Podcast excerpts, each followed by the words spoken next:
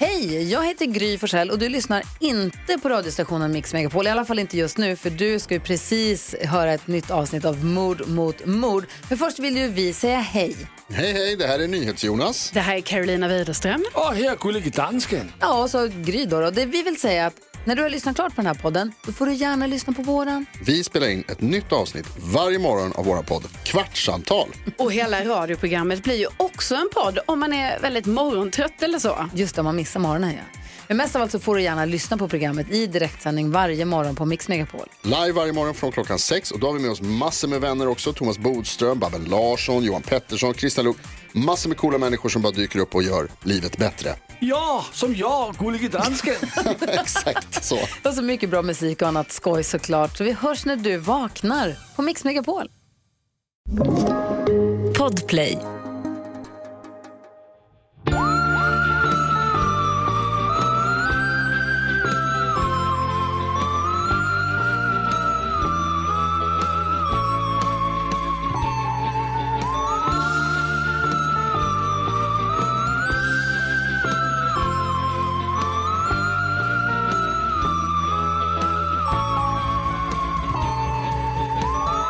Välkomna till Hej Mord och mot välkomna mord. till Mord mot mord.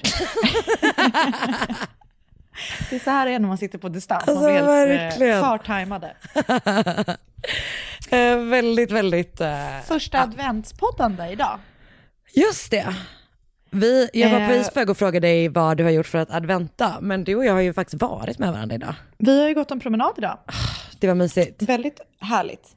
Eh, det var underbart att eh, ses äntligen. Det var, det var Det var ju hundra år sedan. på tiden. Och det känns också bra för att det betyder att du vet att jag inte är så eller jag kanske var så här ful i och för sig när vi såg det i. Men jag tycker du är fin. Tack. Och jag är exakt så ful som jag är i webcamen även annars. Nej, du är supertjusig. Alltså ibland så kan jag känna att mitt eh, ansikte nästan gör sig bättre i Zoom än eh, IRL. Okej, Jag tror att det är det kanske... för intressant? Jag tänker att det är någon, du vet en sån skada från typ när jag var en liten poppare och så skulle man Ja. liksom ta så här, typ, Det är 100% det. Sådana svåra webcam-bilder. exakt.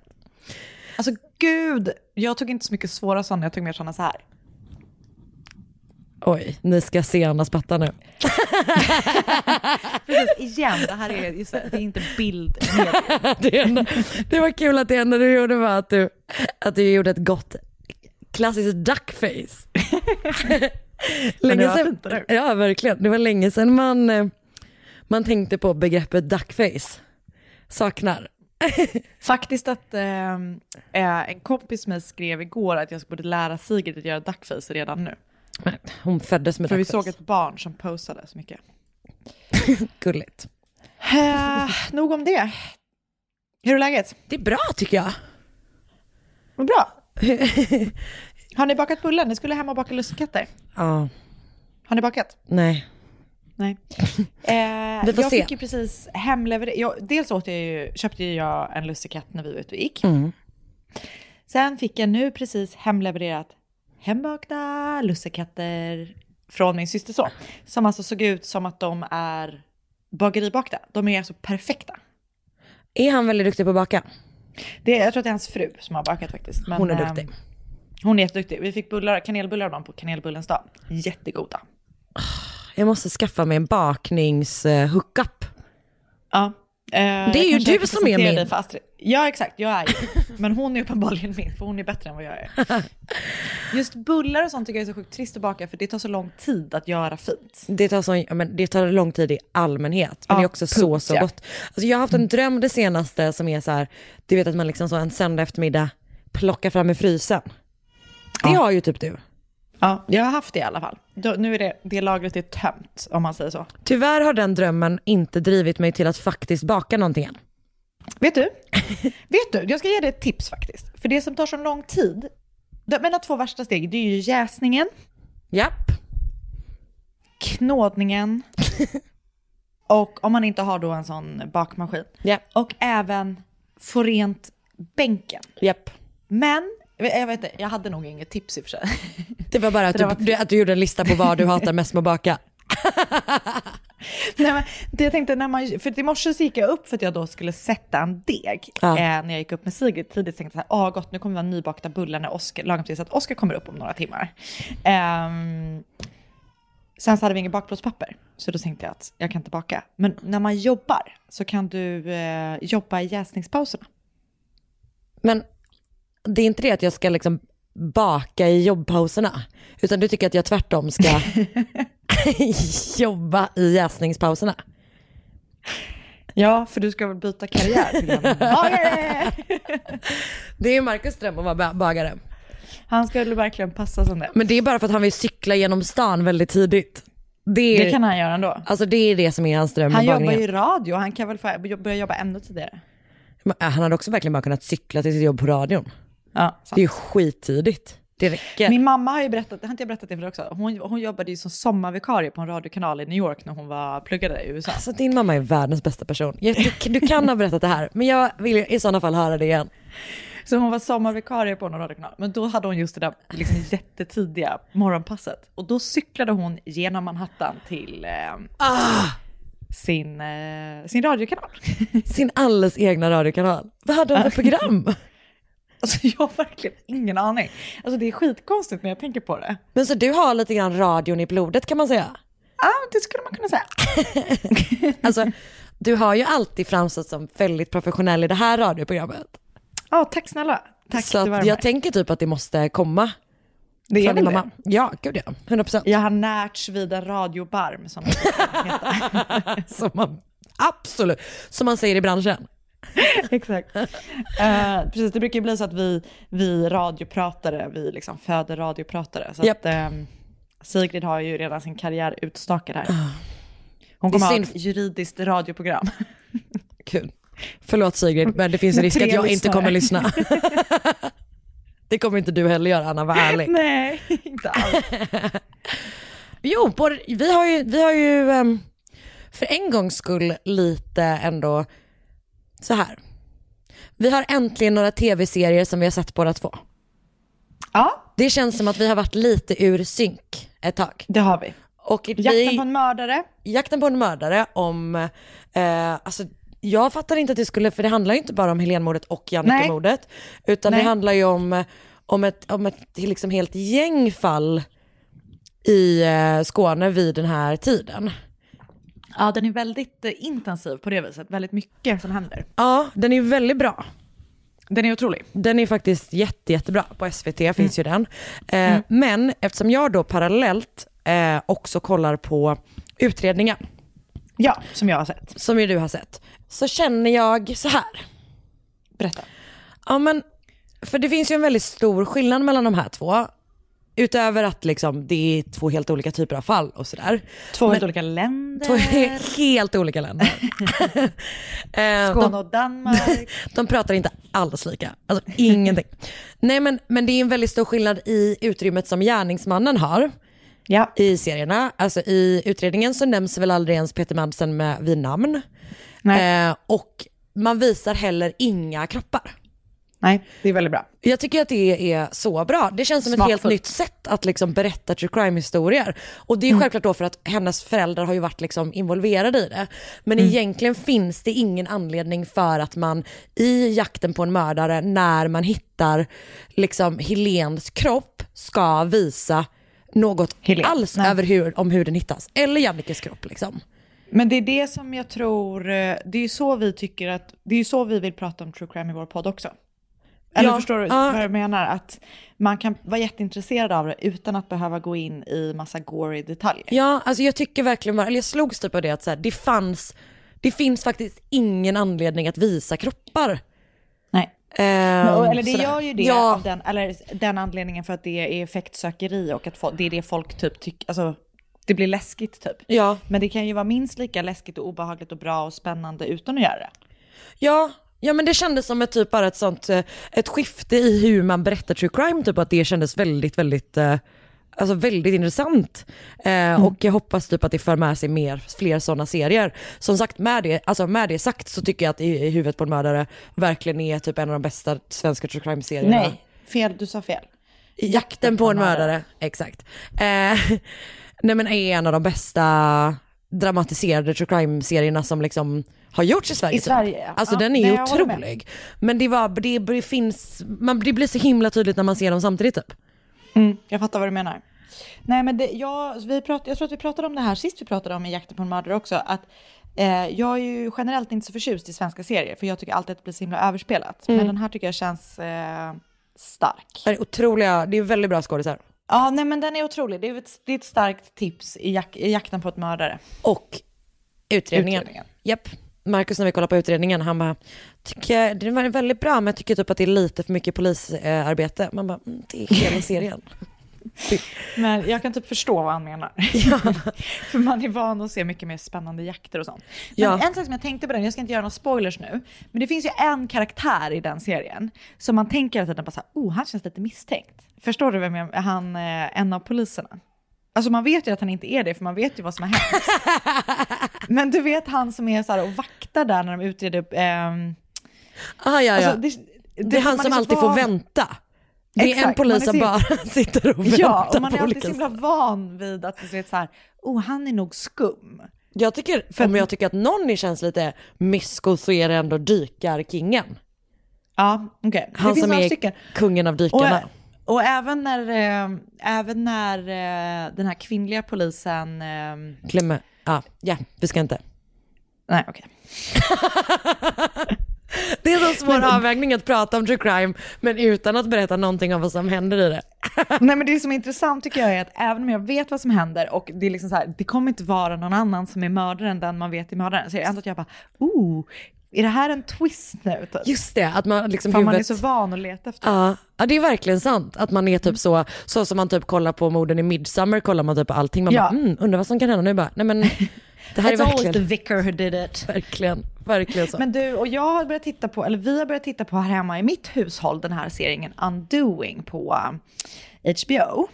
Va, Okej, berätta. Ge mig... Det är eh, Ni- Nicole. Kidman och Hugh Grant bor på Manhattan med deras son. Han är typ framgångsrik barnläkare och eh, hon är eh, psykolog tror jag.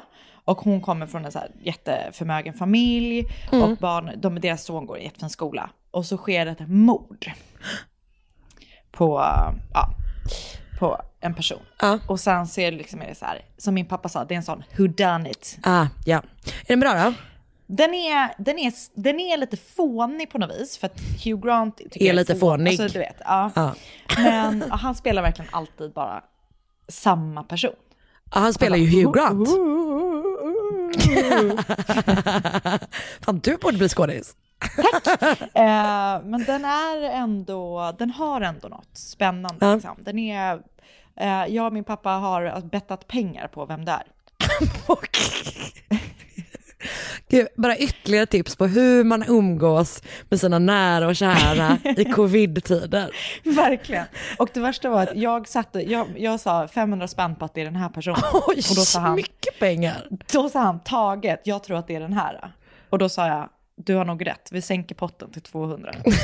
Bra.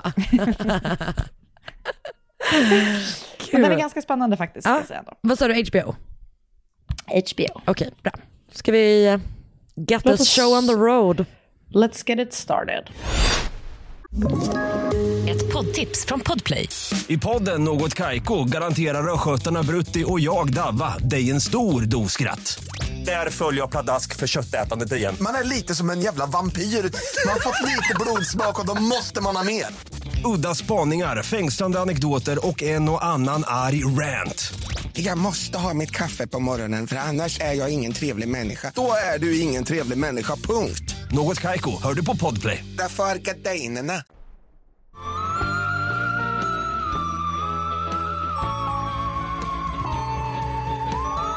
Det är december 1999 och en familj som ursprungligen kommer från Irak men nu bor i Ras Al Khaimah eh, som är både ett av sju emirat i Förenade Arabemiraten men också den största staden i liksom samma område. Där bor den här familjen och de är jätte, jätteoroliga. För ingen har hört från deras dotter Zainab Saud Aziz på flera veckor. Och den här staden eh, och det här området som de bor i ligger liksom nästan så långt österut som man kan komma på den arabiska halvön. Eh, men Zainab bor då på motsatt sida, liksom på andra, andra kusten. För hon läser medicin på universitetet i Sanaa, alltså Jemens huvudstad. Mhm. Och nu verkar hon alltså vara försvunnen. Eh, familjen med Zainabs mamma Karima Mutlak som liksom väldigt så här, driv, hon är väldigt, väldigt drivande. Eh, men hela familjen försöker liksom få tag på så här, universitetet och på polisen, så här, den lokala polisen, för att få hjälp med att leta efter sin dotter. Eh, Men de möter liksom, de blir väldigt avvisade. Och eh, de får typ höra att så här, eh, hon är nog hemma hos någon kompis, ni borde typ kolla runt i olika lägenheter i staden eller typ så här, att hon är på dansgolven typ. De säger att hon typ är ute och festar helt enkelt. Festar, ja. Ja. Eh, men de liksom fortsätter, så här, veckorna går och blir till månader och de liksom ändrar efter ett tag sin, eh, sin historia, universitetet och liksom den lokala polisen. Och det Okej. man börjar säga är att, man, eh, att Zainab har gripe, gripits av eh, Jemens, alltså en underrättelsetjänstorganisation i Jemen som typ specifikt jobbar med eh, folk som är så politiskt engagerade.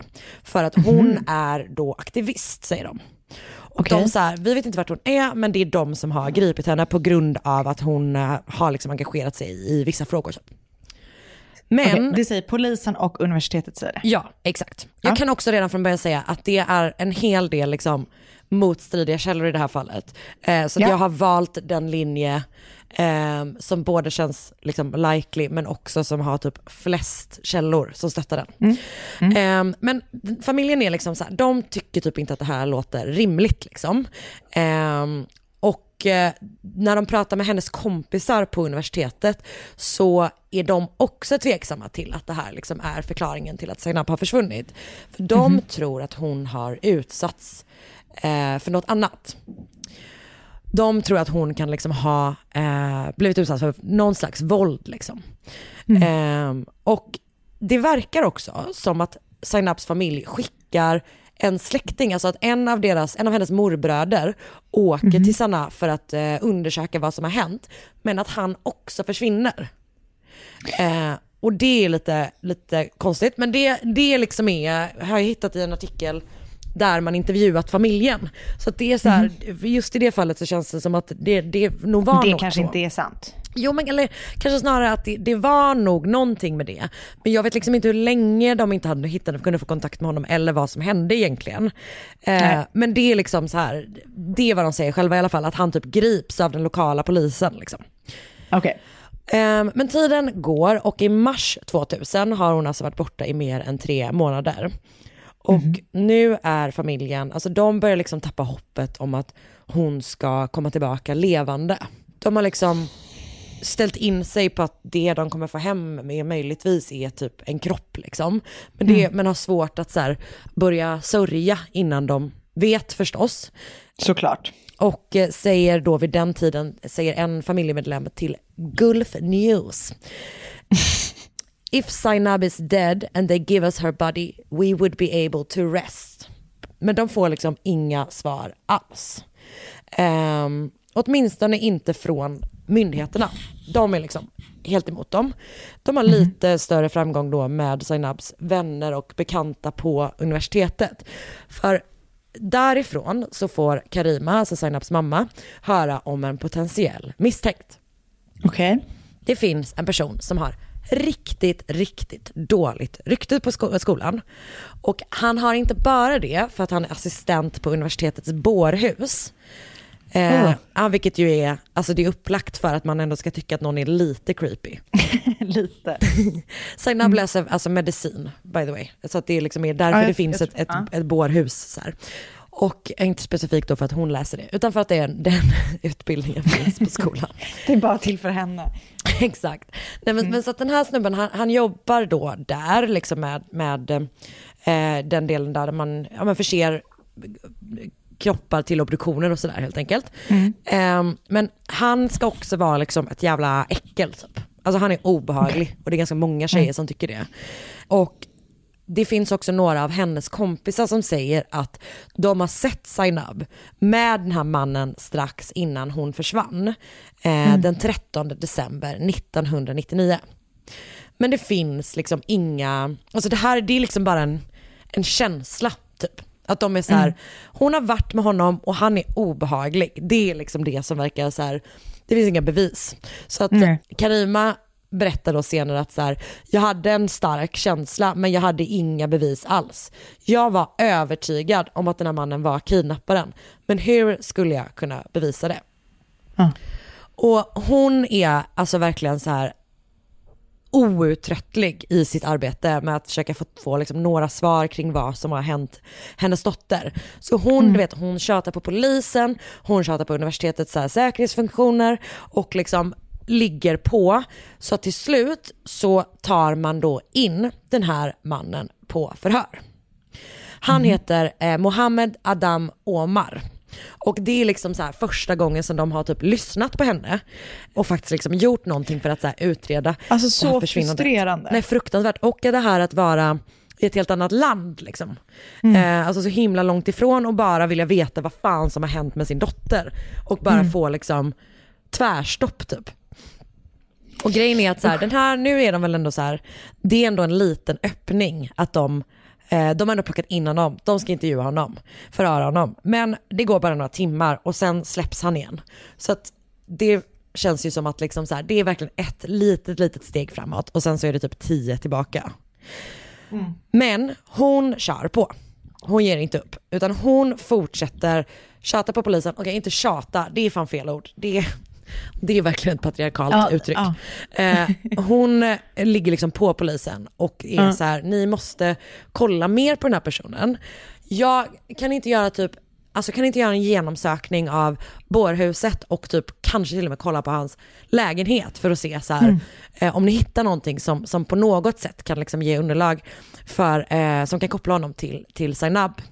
Och antagligen, det här är verkligen min gissning, men jag skulle tro att de går med på att söka igenom bårhuset för att typ få henne att back off.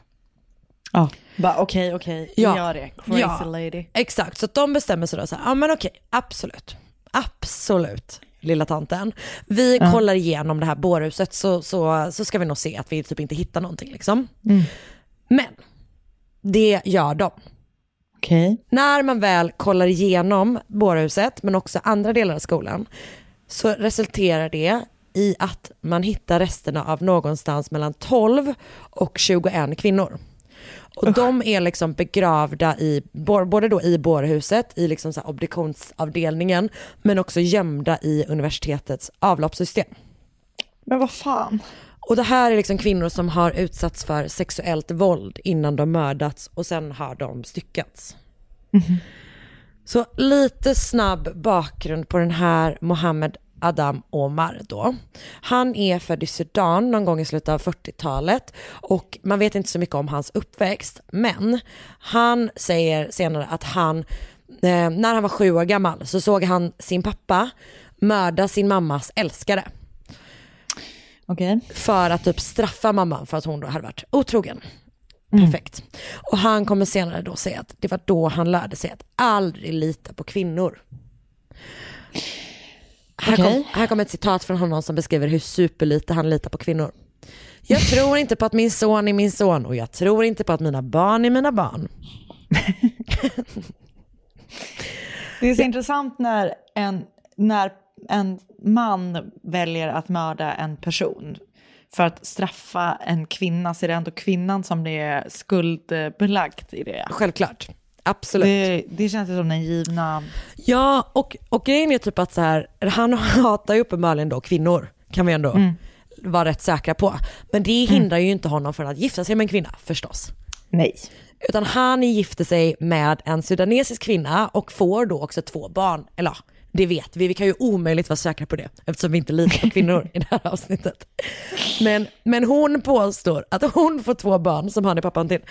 Nej men han får en, en son och en dotter där.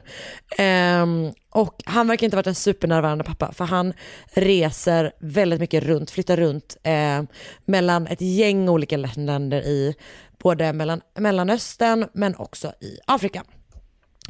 Och till slut då så gifter han sig, just det, han skiljer sig från hon, den sudanesiska kvinnan och gifter sig då istället med en kvinna från Jemen och bosätter sig i Sanaa.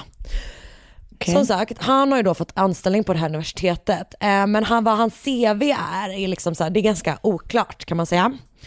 Han har sagt att han har jobbat på liksom bårhus och typ så här, kanske lite medicinskt i flera olika länder. Men det går inte att bevisa, alltså det finns inget underlag som stöttar då, de, liksom, att han, det han påstår. Ehm, däremot så vet man att han har jobbat på en kyrkogård med att gräva gravar. Så att han har ju jobbat dödnära om man säger. Eh, men han har inte, verkar inte ha gjort det som han eh, påstår för att få det här jobbet. Nej.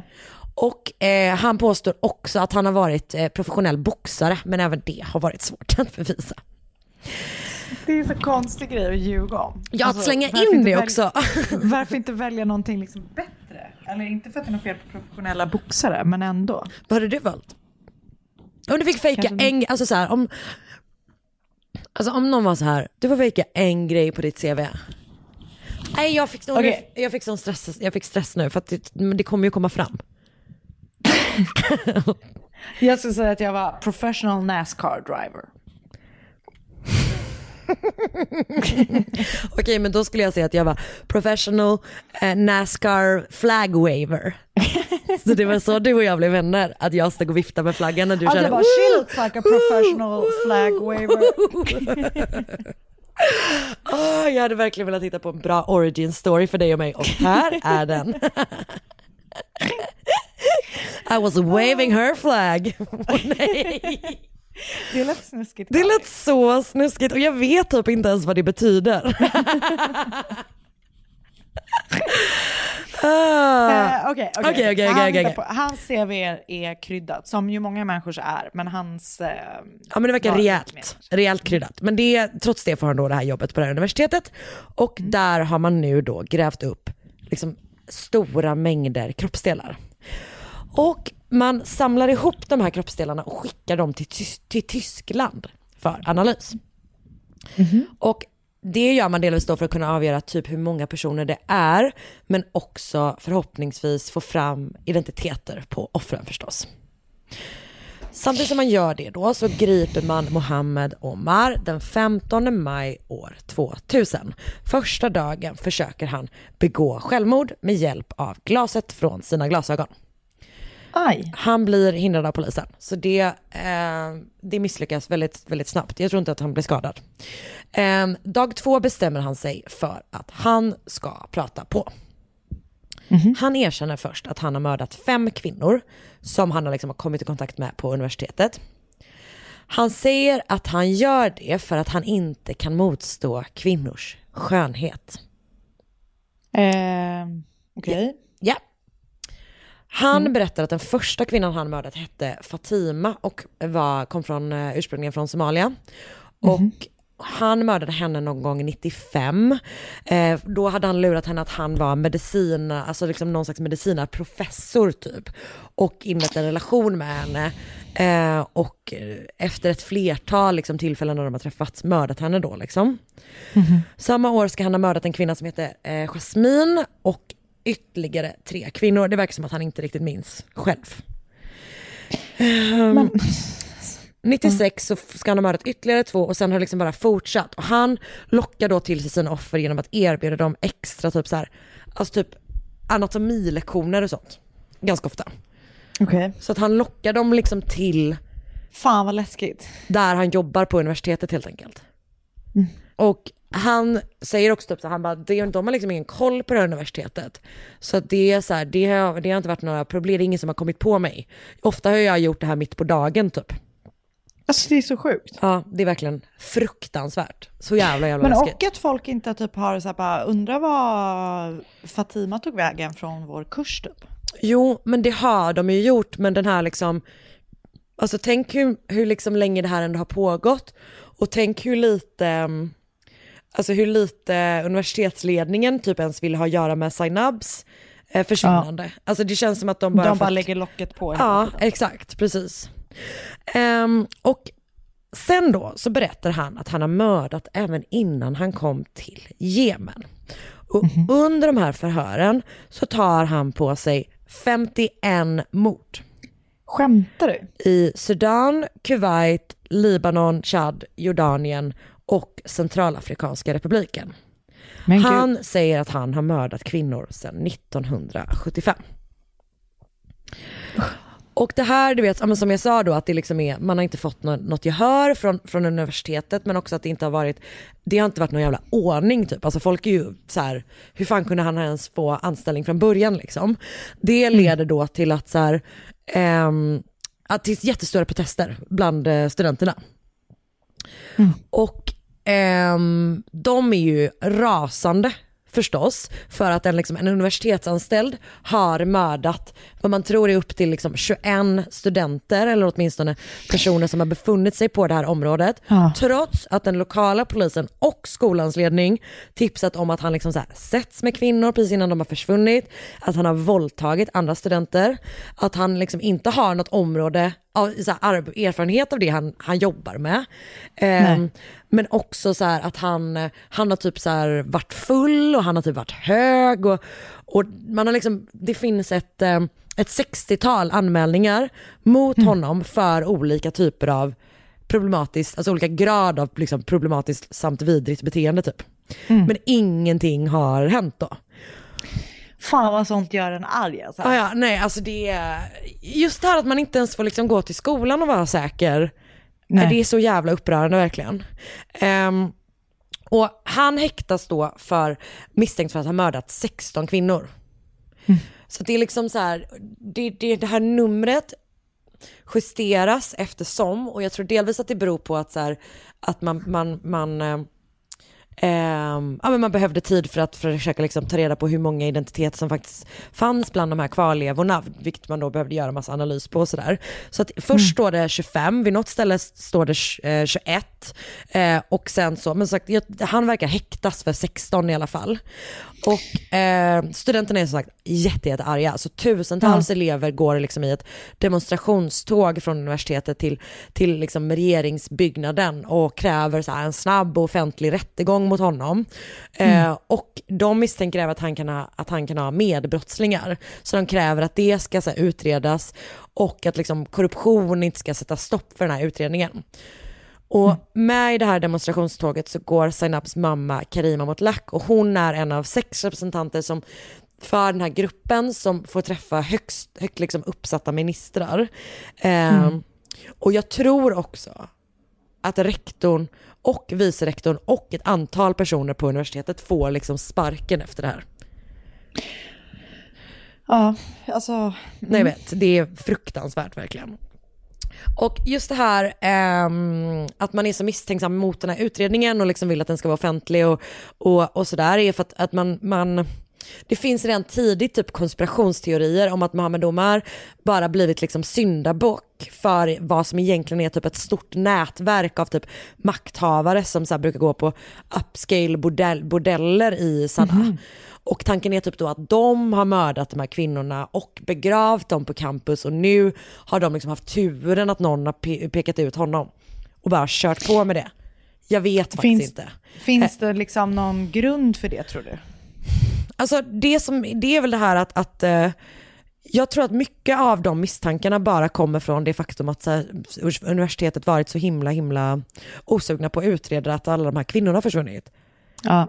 Alltså jag tror att det liksom är, det blir ju typ en grogrund för konspirationsteorier och, eh, och det, man förstår ju det. Vad jag har sett så har jag liksom inte, alltså jag har inte kunnat läsa mig till något solid proof for it, men det verkar vara en ganska liksom utspridd, eller utbredd eh, tanke som finns, eller åtminstone att han inte har mördat så många som man tror, eller du vet sådär. Nej, okej. Mm. Ehm, det som är, är, det känns ju ganska unlikely att han då har mördat så många som han har erkänt, alltså över 50 personer. Alltså, och- ja. Ja, nej, och jag tror att det är classic case of, ja, men du vet det finns ju några sådana jävla Jag fall. som bara tar, ja. Som där man tar typ alla jävla mord man kommer över, också typ för Mm. att göra sig lite jävla intressant på något märkligt jävla sätt. Det är så konstigt. Ja jag vet, det är verkligen fruktansvärt märkligt. Gud, märkligt, kul sätt att be, liksom benämna en seriemördare. Ehm, Nej, men, och jag vet inte om åtalet förändras på grund av så här, vad åklagaren anser sig kunna bevisa i rättegången eller om det är han som ändrar sitt erkännande eftersom. Det står olika. Men på flest ställen så står det att han ändrar sig först. Alltså, och, och först så drar han tillbaka de här icke, alltså de här brotten som han har begått utanför Jemen då. Ehm, men att han sen också drar tillbaka sitt erkännande för alla mord utom två. Men jag tror att det också kan vara så att åtalet mot honom helt enkelt förändras från, ner till de här två. För att jag Okej. tror att det är de två som man har ehm, identitet på. Två offer liksom. Och Gud de, vad sorgligt att det är, bara, det är de enda två Ja, som... vet. Nej det är fruktansvärt. Det är de enda namngivna jag har hittat åtminstone, utöver de här som Mm. finns liksom från hans egna erkännanden om, om, om Fatima och, och, och Jas- Jasmin. Liksom. De Mm. här två offren då, de har hittats eh, på, på universitetet och de har kunnat identifieras. Och det är Mm. då Zainab Saud Aziz, eh, vars mamma som sagt har varit så himla drivande. Mm. Och eh, Hussein Ahmad Attia. Och hon var också medicinstudent, men från Jemen. Och hon hade varit försvunnen sedan 1995. Åh jäklar. Så det, är liksom, det har gått fem år utan att hennes, hennes familj har fått några svar alls. Liksom. Men till slut då så står han eh, inför rätta för de här två morden. Och det verkar väldigt tveksamt så här, hur mycket rätt, alltså hur mycket försvar han fick eh, i Okej. rättegången. Jag läste på ett ställe att hans advokat fick tillbringa totalt fem minuter tillsammans med honom innan rättegången utan eh, liksom Ja. poliser närvarande. Eh, Okej. på ett annat ställe läste jag att han, eh, hans advokat aldrig dök upp under rättegången. Så det är lite, ja, lite oklart. Hur som helst, Ja. i november år 2000 då, så döms Mohammed Adam Omar till döden för morden på Hussein Ahmad eh, Attia och Zainab Saud Aziz. Och dessutom så döms han till 80 piskrapp innan avrättningen för att han har erkänt att han har druckit alkohol. Initialt så vill man alltså avrätta honom inne på universitetsområdet. Okej. Vilket känns liksom Så- övertydligt på något sätt. Alltså verkligen. Eh, men till slut så verkar det som att man ändrar sig och så är så, vi gör det utanför istället. Så i mitten av juni 2001 så får han då först de här piskrappen innan han avrättas med arkebusering. Han skjuts fem gånger i hjärtat Shit. och en gång i huvudet.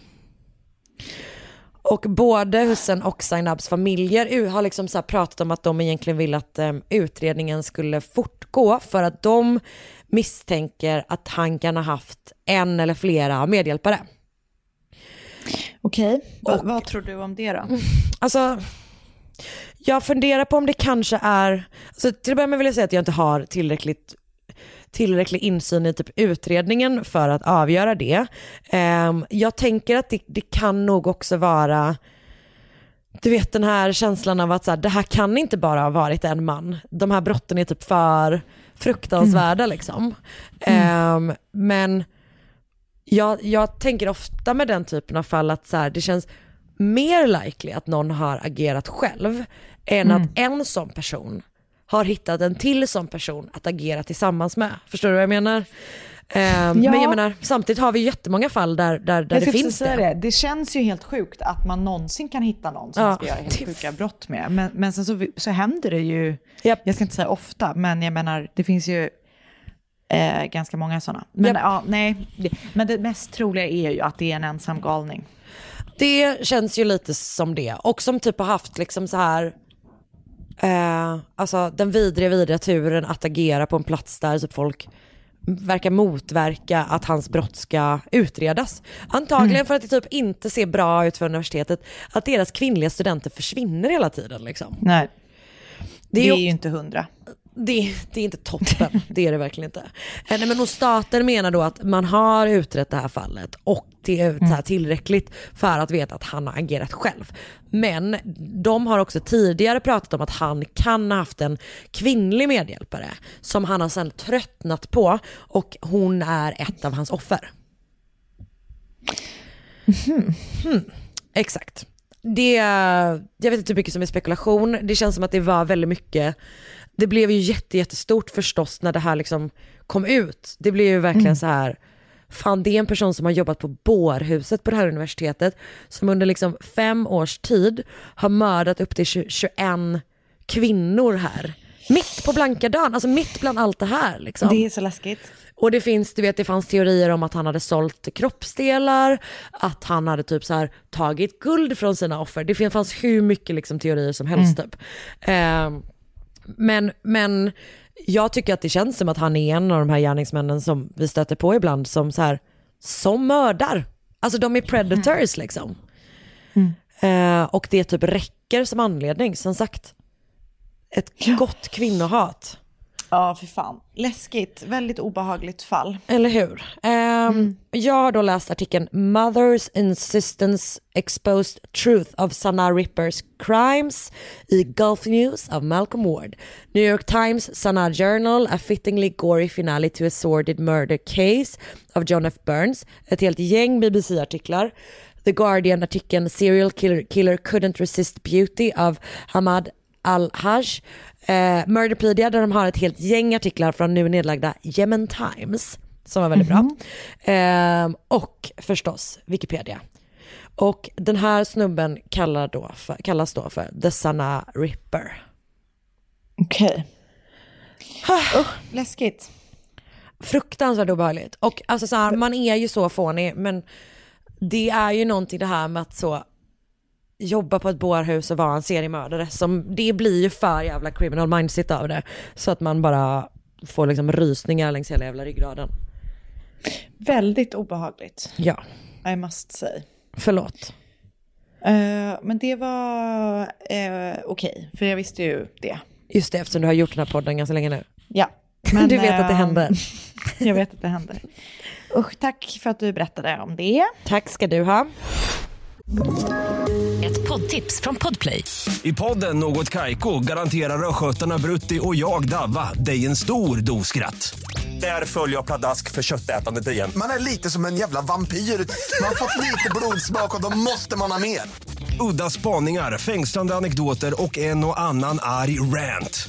Jag måste ha mitt kaffe på morgonen för annars är jag ingen trevlig människa. Då är du ingen trevlig människa, punkt. Något Kaiko, hör du på Podplay. Därför är gardinerna.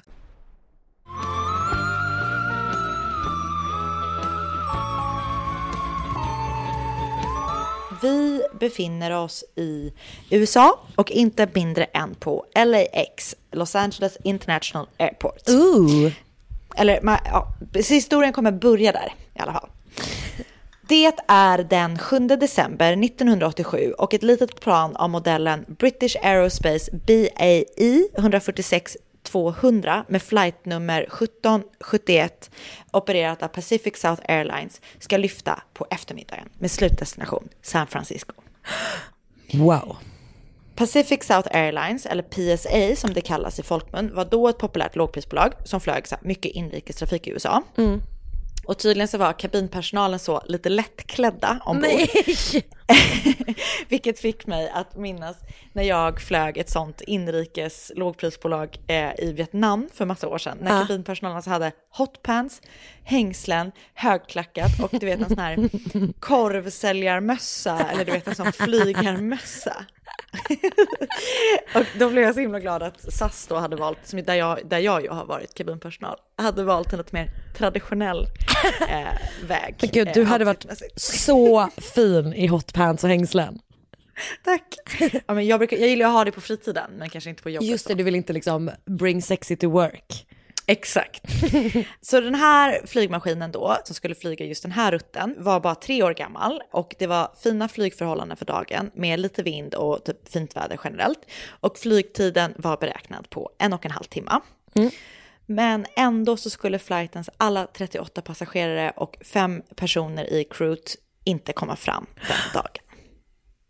Okej. Så nu ska jag berätta vad som hände på den här ödesdigra dagen. Men gud, är det det dagen, så datumet som podden släpps på? Nej, det är det inte. Eh, den här ödesdagen, Det var så spännande där en stund. förlåt, ödesdigra dagen 1987. Dum, dum, dum, dum. Vilket datum sa vi att det var? 7 december. Så det är eh, inte riktigt när den här podden Men det är släpps. nära. Om, om en vecka typ. Perfekt. Så PSA flight 1771 lyfte då på eftermiddagen från LAX med 38 passagerare, en kapten vid namn Greg Lindamod och en styrman vid namn James Nunn satt vid rodret. Sen var det då tre kvinnor i kabinpersonalen som hette Debbie Nissen Neal, Deborah Waterson Woolstecky och Julie Gottesman. Det var som sagt 38 passagerare ombord och jag kommer inte att namnge alla 38 här för det hinner vi inte med. Men jag, eh, det kommer finnas på en länk där, som vi lägger i Facebookgruppen om man vill läsa vilka som var ombord. Så de lyfter från Los Angeles och ungefär halvvägs in genom flighten så händer något. För flygtornet i Oakland får ett mayday inropat från kapten Greg Lindamod. Han meddelar att det har avfyrats två skott ombord och innan han hinner berätta mer eh, för de som sitter i flygtornet så ser de som sitter i flygtornet att det är något som går väldigt snett. För de kan då se hur planet byter riktning och istället för att liksom, ja, de börjar flyga rakt ner mot marken i hög fart. Så du vet verkligen så som att någon har tagit styret och bara riktar neråt med full gas i. Innan planet bara försvinner från deras radar. Planet har då när det har försvunnit från radarn flugit rakt in i ett berg i Santa Lucia Mountains. En nyhetshelikopter som redan var uppe i luften har, liksom, jag vet inte, ute och scoutar efter nyheter, eh, hittar snabbt kraschsajten eh, och det är direkt väldigt tydligt att ingen kan ha överlevt den här kraschen. Du vet så ett supersnabbt plan med jättemycket jetbränsle är, alltså det, det, det blir ju en sån superexplosion och det enda som typ kan trösta lite är ju att det har gått så otroligt fort när det väl har liksom blivit impact så att ingen har Ja, det, är Det är så läskigt. Det är så läskigt. Det är så jävla obehagligt. Så som alltid när ett plan har kraschat, men kanske ännu mer med tanke på de här väldigt märkliga omständigheterna, så satte utredningarna igång liksom direkt. För nu var det inte bara att du vet, haverikommissionen behöver se vad som har hänt med planet, utan nu är det ju liksom två skott har avlossats innan det har kraschat. Så det är ju någon, något brott som har skett ombord. Så utredningen sätter igång direkt för att se vad som har hänt med flighten. Och planet är ju totalförstört, eh, så det finns typ ingenting att samla ihop. Du vet, vanligtvis brukar man annars hitta så här resväskor och sådana saker. Men eh, det mesta var eh, ja, bara liksom borta typ. Så prio är att hitta den här svarta lådan, du vet, som ser vad som har hänt, alltså vad som, där man kan se vad som har hänt på flygrutten innan planet har gått ner. Och så finns det även en voice recorder i cockpit. Så de två vill man hitta på crash-sajten.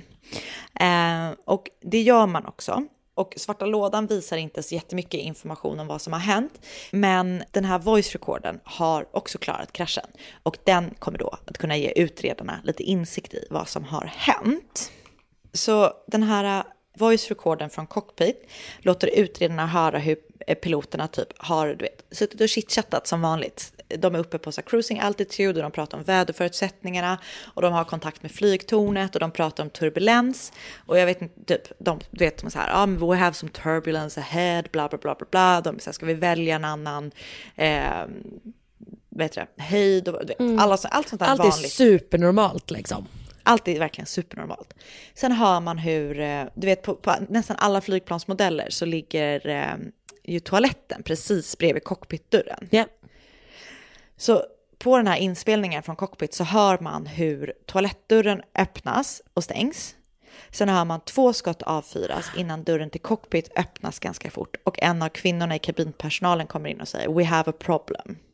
Så Captain Greg, Captain, Captain. Eh, cap, captain och captain. Greg Lindamod, som är kapten ombord, hörs då fråga “What kind of problem?” innan man hör en främmande mansröst svara “I am the problem”. Och sen avfyras två skott till. Sen har då planet dykt rakt in mot en bergsvägg och planet exploderat och har dödat alla 43 personer ombord. Oj jävlar.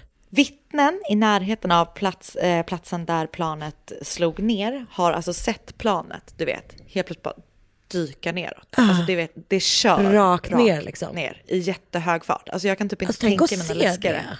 Ja.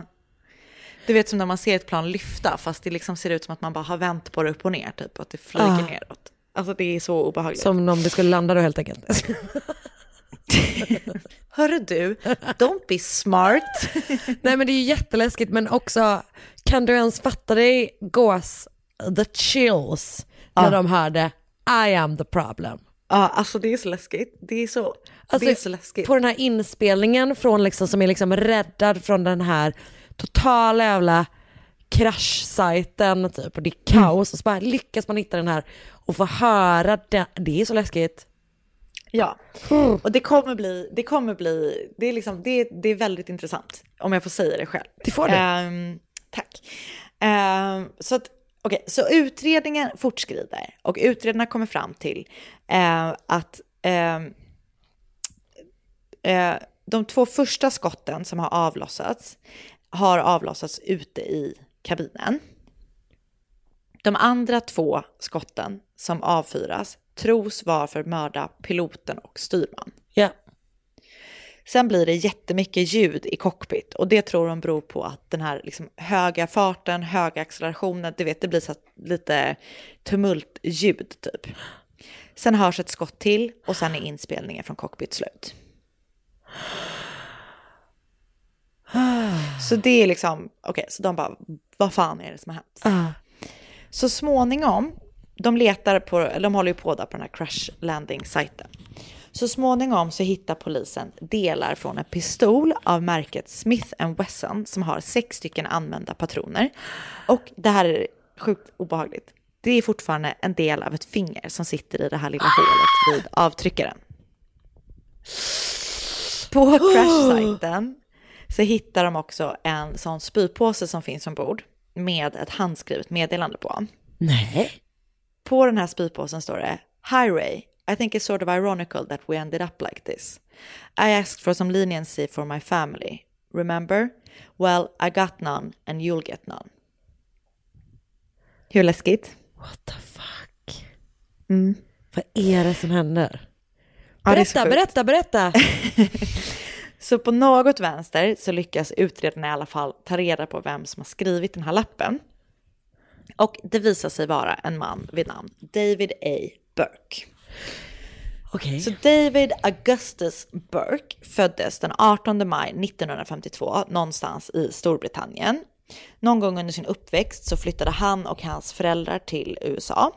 Och eh, som typ 20-åring så tar David arbete på US Air, vilket var USAs största flygbolag tills det slogs ihop med American Airlines 2013. Han arbetade där i 15 år med lite olika så terminalbaserade tjänster. Du vet, han var typ så eh, gatepersonal eller ticket sales manager. Du vet, han liksom jobbade på flygplatsen. Så han var Mm. inte Han var inte uppe i luften. ombordplanet. Nej, Nej. precis. Eh, precis. Han jobbade i 15 år med olika saker innan han misstänktes vara delaktig i en drogsmugglingsbusiness mellan Jamaica och USA. Och två veck- bara två veckor innan flygkraschen så hade han fått sparken från sitt jobb för att han hade stulit 69 dollar ur kassan från cocktailförsäljningen ombord. Så då hade han varit På- ombord? Jag antar att det var så att man bankade kassan, du vet. Just det, just det, just det. eh, på basen. Liksom, Ja. Så att han har väl suttit, alltså, alltså utan att veta. Men min Okej. eh, kvalificerade gissning är att de har eh, all försäljningskassa på ba- ah, skitsamma. Just det. Han har i alla fall stu- så jag, nej, jag- tror inte att han har varit ombord. Utan jag tror att det är att han har, liksom, Efteråt ja. kabinpersonal har bankat in det eh, på marken. Okej, så vi kan ha att göra med här en disgruntled former employee. Precis. Så att Shit. han, de lyckas, polisen lyckas då lista ut att det är David A. Burke som har skrivit den här konstiga hälsningen på spypåsen. Och du kommer ihåg det här lilla fingret som satt Japp. fast i avtryckarhålet? Det visar sig också tillhöra David Burke. Så det blir ju så väldigt tydligt att David är ansvarig för kraschen och alla dessa själars död som var ombord. Så utredarna då börjar se vad David har sysslat med den här tiden in, eh, innan kraschen. Så de pratar med hans flickvän som också arbetar på US Air och hon berättar att samma dag som kraschen har eh, inträffat på eftermiddagen så har hon, eh, alltså på eftermiddagen har hon fått ett röstmeddelande på hennes telefonsvarare där, eh, där David säger I'm on my way to San Francisco, flight 1771. I love you. I really wish I could say more, but I do love you. Och sen så har han lagt på och hon vet inte varför liksom han helt plötsligt ska flyga. En av hans kollegor som också arbetar på US Air berättar att David har kommit till honom några veckor tidigare, eh, liksom precis efter att han har fått sparken och frågat om han inte kan få låna en pistol av den här kollegan. Vilket kollegan då har sagt ja till. Så han har lånat ut en pistol, som, den här, eller den här pistolen som Mm. han sen hittar i eh, krasch, eh, Oj. alltså från Ja. kraschen. Det är så han har fått tag på vapnet liksom. Ja, och jag tycker det är så oklart att bara så här låna ut en pistol och eh, med pistolen lånar han ut 12 patroner. Att bara så här, det är jättekonstigt Men fattar göra den jävla ångesten. Alltså sån jävla Oh. ångest verkligen. Mm. Kul. Ja, så den här dagen då, den 7 december, innan han har klivit på planet som är då på väg till San Francisco, har han bett om att få ett möte med sin för detta chef på US Air som heter Raymond Thompson.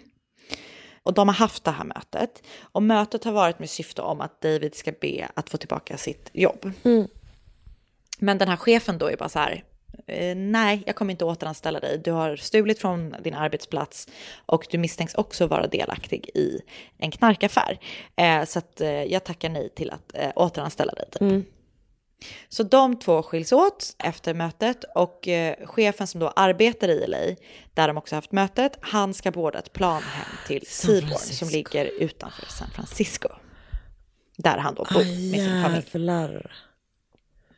Så efter att de har skilts åt går David raka vägen till disken hos Pacific South Airlines och så köper han en enkel biljett till San Francisco ombord flight 1771. För han vet om att han åker på den. Mm. Så ja, det är så läskigt. Så då så undrar man, hur kan då han ta med sig en pistol genom säkerhetskontrollerna på flygplatsen?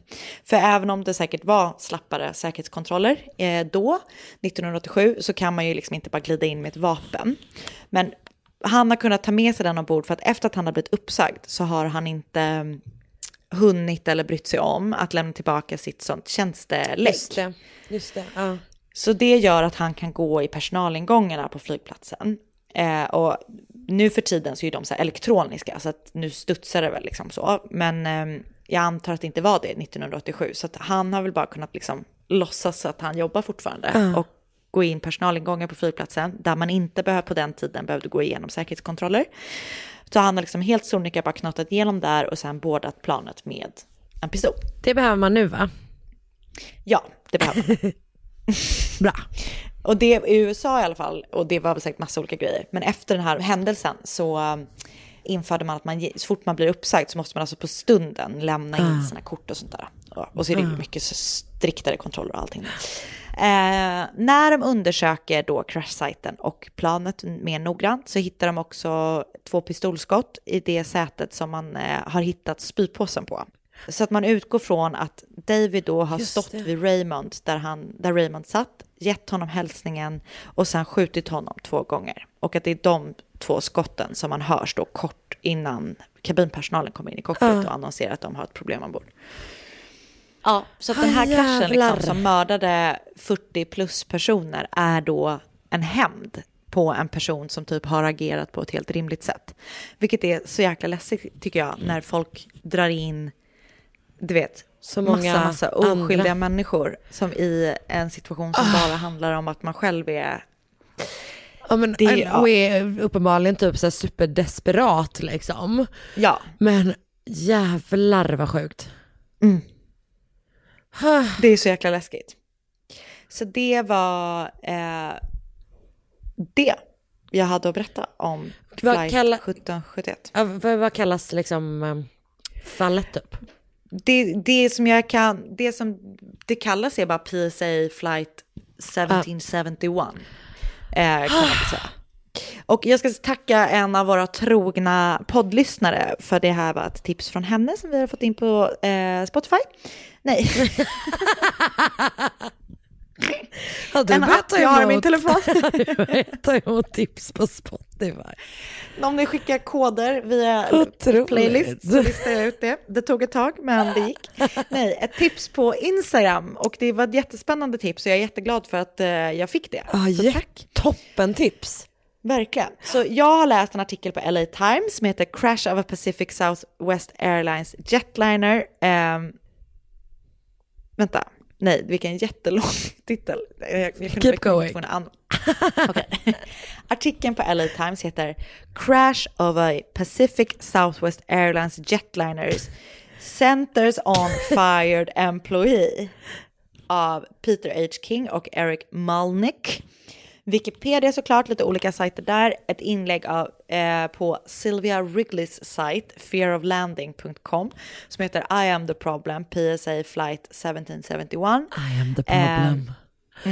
Ett inlägg på Forensic Tales som heter Murder on board a PSA flight 1771 av Courtney J. Fretwell. ah. Jag är Så utmattad. läskigt ju. Ja men alltså det är så obehagligt att tänka, I am the problem. ja, det är så läskigt. Också självinsikt. Det är ju sällan annars man erkänner för sig själv att who's the problem? I am. Verkligen, för det är man ju aldrig. Det är ju alltid någon annans fel. Kul. Det, jag känner tvärtom, det är alltid mitt fel. Nej, det är aldrig ditt fel. I'm not the problem. Du är Eh. aldrig the problem. Du, tack snälla. Det där var jätte, Själv. jätte, väldigt, väldigt spännande. Eller hur? Läskigt som tusan. Och tack till er som har lyssnat även den här veckan. Det är otroligt att ha med er som alltid. Japp. Och eh, vi hörs nästa vecka och innan dess så kan ni väl eh, Skicka koden till Anna vår- på... skicka, eh, skicka en riktigt svår rebus på via Spotify. Vet ni vad, gör, Alltså- innan, innan någon försöker, gör inte det. Nej, gör inte det. Anna kommer jag känner mig så gammal att jag bara blandar ihop två appar jag har i min telefon. Ja, för det är verkligen det enda de har gemensamt, att de finns i din telefon. men ni kan, Nej, men ni kan väl... Instagram. eh, Instagram. Ni kan väl, ja det kan ni alla fall. Ni kan ju gå med i vår Facebookgrupp, Mot Ja. mot podcast. Eh, ni kan köpa julklappar till era nära och kära och såklart till er själva på podstore.se. Japp. Du vet vad, det var någon som önskade att det skulle finnas um, Something Stings About This Gary t-shirt. Så Just det, det. tänker jag att, ska vi, det säger vi väl att det löser vi tills vi släpper det här avsnittet? Det tror jag att vi kan säga. Ja, Det det, tror jag, det löser vi. Okej! Okej, vi, Vi hörs nästa hörs. vecka. Hej hej! Hej! Ett poddtips från Podplay. I fallen jag aldrig glömmer djupdyker Hasse Aro i arbetet bakom några av Sveriges mest uppseendeväckande brottsutredningar. Går vi in med hemlig telefonavlyssning och, och då upplever vi att vi får en total förändring av hans beteende. Vad är det som händer nu? Vem är det som läcker? Och så säger han att jag är kriminell, jag har varit kriminell i hela mitt liv men att mörda ett barn, där går min gräns. Nya säsongen av Fallen jag aldrig glömmer på Podplay.